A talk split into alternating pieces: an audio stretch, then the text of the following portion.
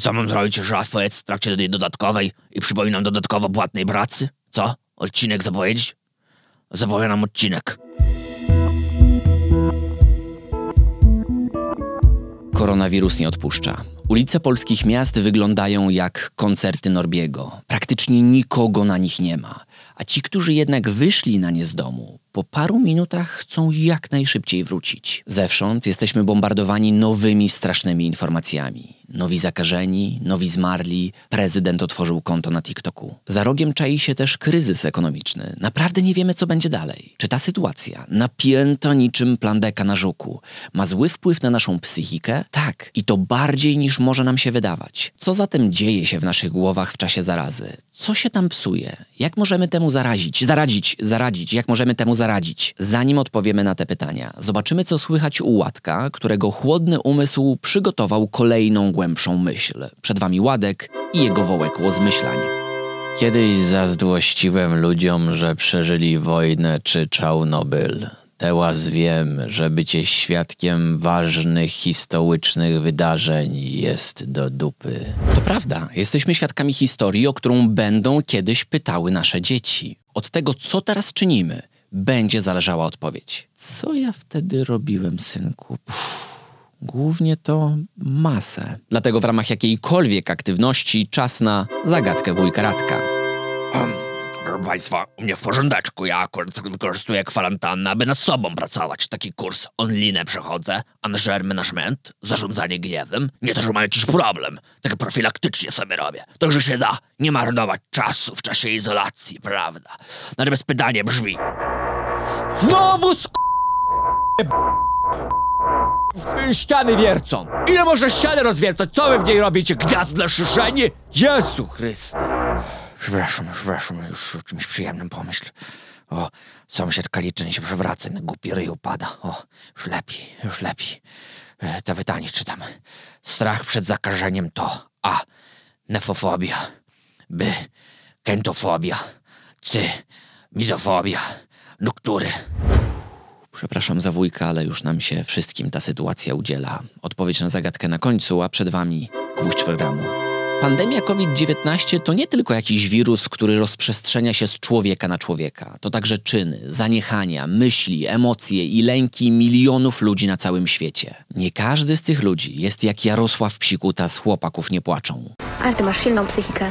Zajebiście silną. Nawet u takiego kozaka jak Jarosław Psikuta może wbrew pozorom dziać się dużo złego w głowie w związku z koronawirusem. Profesor Yuval Neria powiedział niedawno, że skala tego, co dzieje się teraz z psychiką, jest gorsza niż po atakach z 11 września i może spokojnie nawiązywać do II wojny światowej. Inni badacze, tacy jak Elana Newman, twierdzą, że żadne inne zdarzenie w nowoczesnej historii nie zmieniło tak bardzo życia ludzi na całym świecie. Pani profesor najwyraźniej zapomniała o komentarzu Zbigniewa Stonogi do wyników wyborów, ale nadal ma rację. Co w takim razie koronawirus funduje naszym głowom?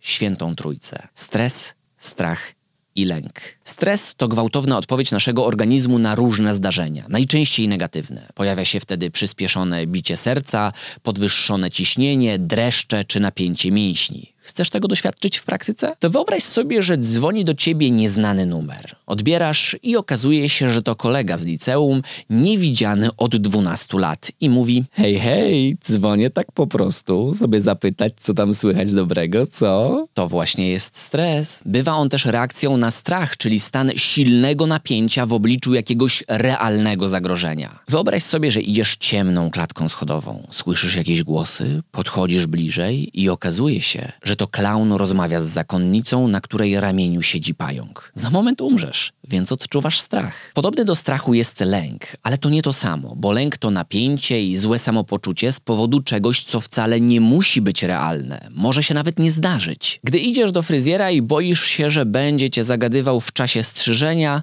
to mowa jest o lęku. A dla kogo to się tak piękni? Jak zatem konkretnie koronawirus nas stresuje, przestrasza i lęka? Doktor Anu Asnani, badaczka psychiki w czasie pandemii, twierdzi, że na pierwszym miejscu powinniśmy postawić utratę kontroli. Bądźmy szczerzy, my sami nie kontrolujemy tej zarazy. Nawet nie wiemy kiedy i czy w ogóle minie. Chęć posiadania kontroli nad życiem jest jedną z najważniejszych potrzeb człowieka, ponieważ zapewnia spokój. Dlatego właśnie nie boimy się panicznie epidemii grypy. Znamy tego wroga i potrafimy go oswoić.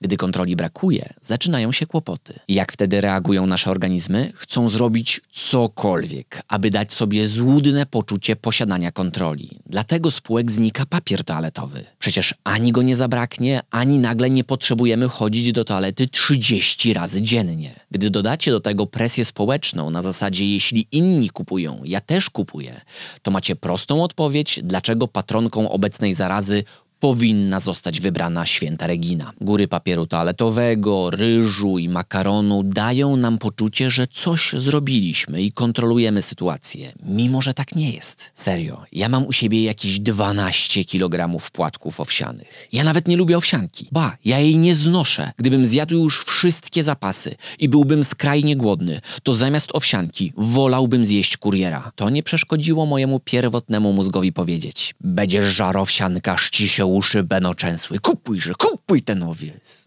Musicie wiedzieć, że mój pierwotny mózg jest naprawdę pierwotny. Dlaczego nie przerwiemy tego szaleństwa? Dlaczego nie myślimy o tym racjonalnie? Bo za sprawą prac między innymi Daniela Kahnemana wiemy, że tak naprawdę mamy dwa mózgi. Jeden emocjonalny, który szybko i intuicyjnie podejmuje decyzje. Drugi natomiast logiczny, wolniejszy i racjonalny. Oba potrzebują się nawzajem, ale to emocjonalny kieruje naszym życiem. On podejmuje decyzje, a mózgu racjonalnego potrzebuje do ich uzasadniania. Gdy na kwarantannie pożerasz kolejną paczkę chipsów, to decyzja emocjonalna, ale zostanie racjonalnie uzasadniona. No należy mi się. Dzisiaj był trudny dzień. Należy mi się. No przecież normalnie jem zdrowo. Należy mi się. W końcu jutro mogę umrzeć. Każdy ma inne wymówki. Nie można jednak wymagać, że na emocjonalne problemy, takie jak szaleństwo zakupowe w czasach zarazy, zadziałają racjonalne rozwiązania. Tak po prostu nie jest. Klucz to zdawać sobie z tego sprawę. Nie pomaga również kolejna rzecz, która ma ogromnie negatywny wpływ na większość osób izolacja. Jeśli do tej pory tajemnicą było dla ciebie, dlaczego psy tak się cieszą, gdy wychodzą na spacer, to teraz już wiesz. Początkowo siedzenie w domu było nawet zabawne. Wbijasz się w ulubiony dresik, jakaś muzyka, książki, gry, YouTube, dobre jedzenie.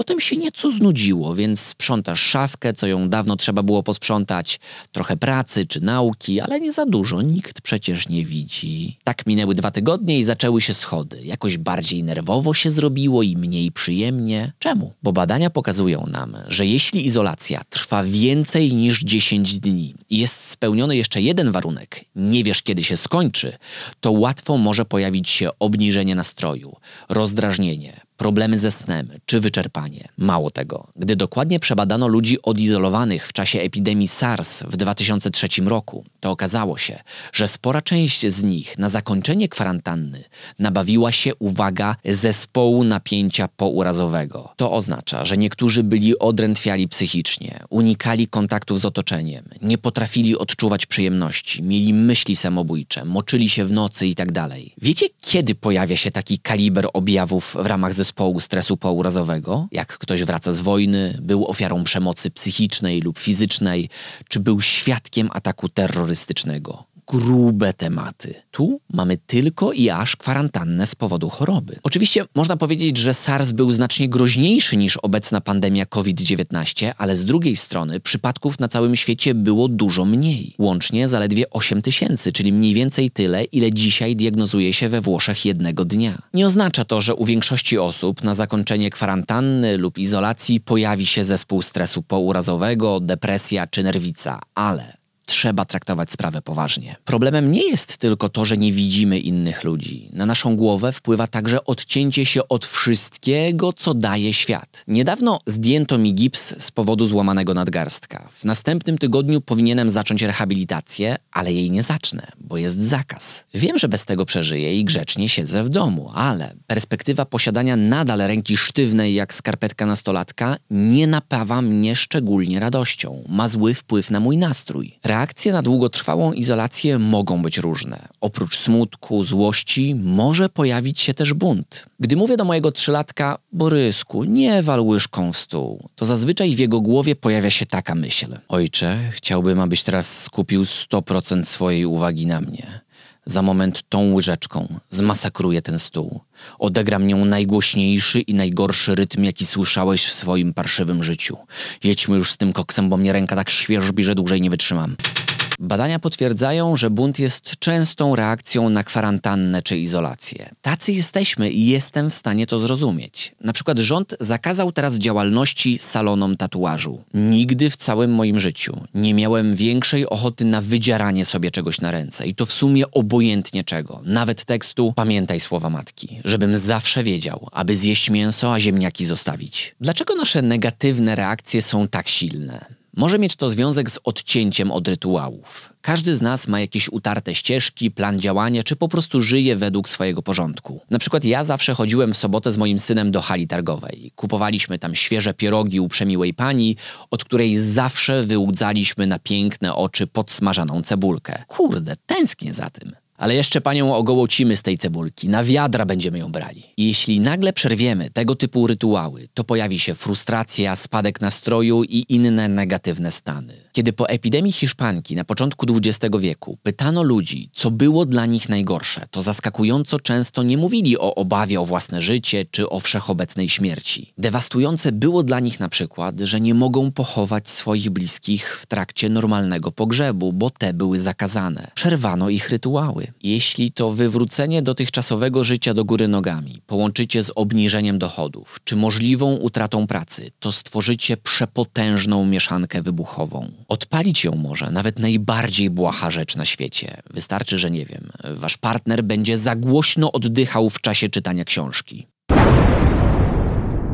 Co w takim razie możemy zrobić, aby temu zapobiec? Może zacznijmy od tego, czego nie należy robić. Nie dawać innym głupich i pustych zaleceń typu przede wszystkim nie panikuj. Nie wiem jak wy, ale ja dostaję wysypki, gdy to słyszę. O, proszę, zaraz będzie swędziało. Jak rada o niepanikowaniu ma pomóc? Poza tym profesor Baruch Fischow twierdzi, że zjawisko paniki jest bardzo rzadkie i obecnie raczej się go nie notuje. Masz większą szansę zobaczyć panikę w hollywoodzkim filmie niż w Lidlu. Tak samo, fantastycznie działa, gdy ktoś radzi najważniejsze to zachować spokój. Wow, faktycznie, ja po prostu o tym nie pomyślałem, ale teraz gdy to powiedziałeś, to mi się przypomniało, że mogę być w czasie kwarantanny zupełnie spokojny. Dzięki stary, teraz jest już super. Rozumiem, że psychika każdego człowieka jest inna ale mimo to nie pomagają jej tego typu banały. Psychologowie badający pandemię są jednak zgodni, że parę innych rzeczy może pomóc. Numerem jeden na tej liście jest odcięcie lub znaczne ograniczenie mediów informacyjnych. Jeśli przeładujesz się newsami o pandemii COVID-19, to wpłynie to fatalnie na Twoje samopoczucie. Spowoduje jeszcze jedną rzecz. Może zwiększyć Twoje osobiste przekonanie o tym, że zachorujesz. Gdy badano ludzi, którzy nieustannie śledzili media w czasie epidemii wirusa Zika, to wyszło na jaw,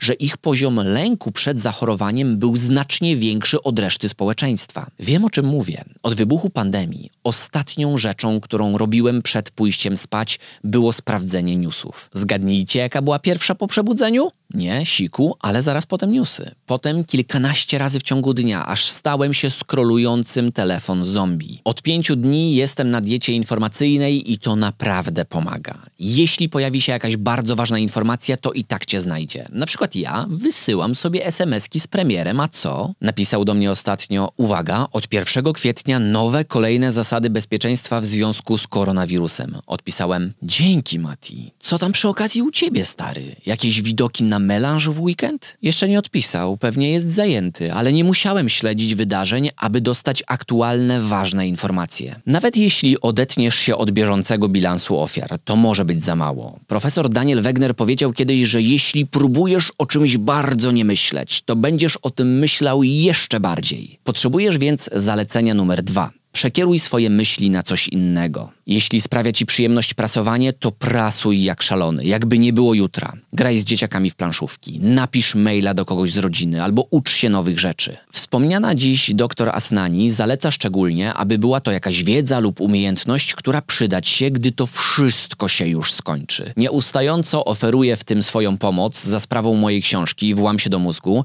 w której opisuje najskuteczniejsze metody uczenia się tak, aby zostało to z nami na dłużej. Ja w tym trudnym dla nas wszystkich czasie y, używam metod opisanych we włamie, aby gotować coraz lepiej. Wiem, że to brzmi śmiesznie, ale jest dla mnie ważne, bo gdy staram się pokroić marchewkę w idealną kosteczkę, to nie ma w tym miejsca na myślenie o koronawirusie. Gdy przez przypadek, jak się zdarzyło, rozetnę sobie palec i wszędzie tryska krew, to jeszcze mniej myślę o pandemii. Właśnie o to chodzi. Może nie o rozcięcie palca, ale o momenty wytchnienia od tego tematu. Trzecie zalecenie psychologów jest bardzo proste. Skoro nasza codzienna rutyna została wywalona do góry nogami, to powinniśmy zastąpić ją inną. Wyznacz sobie stałe punkty dnia. Mogą to być określone przerwy od pracy, momenty na posiłki czy ćwiczenia fizyczne. Dołóżcie do tego filmowy wtorek, planszowy czwartek czy nie wiem, sobotnią patologię. Nie, już mi się skończyły pomysły.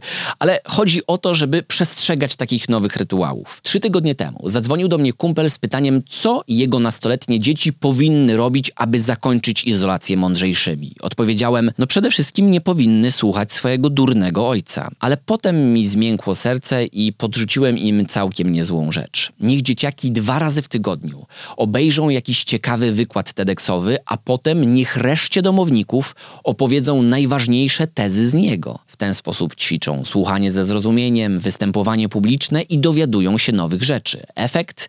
Dzisiaj jego dzieci robią tak codziennie i prześcigają się w tym, kto znajdzie lepszy wykład. Niezwykłe rzeczy mogą się dziać, gdy przekierujemy uwagę z tej ogólnej marności na coś mniejszego, co ma wartość. Podczas dobrowolnej izolacji w czasie epidemii dżumy Isaac Newton wpadł na rozwinięcie rachunku różniczkowego. Pracował też nad zasadami dynamiki i prawem powszechnego ciążenia. Okej, okay, nie każdy z nas jest Newtonem, więc może coś bliższego nam. Hmm. O, mam. Jeśli można było zrobić penicylinę ze spleśniałego chleba, to z nas też na pewno da się coś zrobić. Zostało nam ostatnie zalecenie mądrych głów. Bardzo egoistyczne zalecenie. Dbaj o innych, bo gdy to robisz, zwiększasz w swoim organizmie poziom oksytocyny, dzięki której budujesz dobre relacje z ludźmi i otoczeniem. Poza tym, troska o innych daje ci poczucie sensu i kontroli nad życiem. Teraz wszyscy tego potrzebujemy. Jeśli coś złego dzieje się w czasie izolacji z twoją psychiką, to poproś o fachową pomoc. Nadal działają telefony zaufania, a wielu terapeutów udziela pomocy przez internet. Przede wszystkim nie lekceważ tej sytuacji. Jesteśmy ludźmi i mamy prawo czuć się gorzej.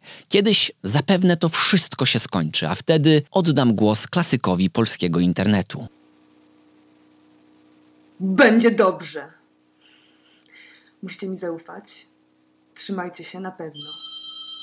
Zadanie na dzisiaj jest proste. Napiszcie w komentarzu, co dzieje się w waszych głowach w czasie izolacji w domu. Jak wasz nastrój i samopoczucie. Jeśli słuchacie tego w formie podcastu, to po prostu o tym pomyślcie. A ja tymczasem bardzo dziękuję wam za dzisiaj i idę założyć konto na TikToku. Serio. Do tej pory myślałem, że to nie jest miejsce dla starzejących się tatusiów z kijem w tyłku i czerstwym poczuciem humoru, ale najwyraźniej jest. A więc przybywam. Została nam jeszcze prawidłowa odpowiedź na zagadkę wujka Radka, tym razem to C. Mizofobia to lęk przed zakażeniem się jakimś wirusem, bakterią itd. Tak Nefofobia natomiast to lęk przed chmurami, a kentofobia to obawa przed nowymi pomysłami. Dobrym pomysłem jest na pewno subskrybowanie tego polimatu i ocenienie go, jeśli masz taką możliwość, więc nie bądź kentofobem, zrób to teraz, bo takie działania naprawdę mają znaczenie.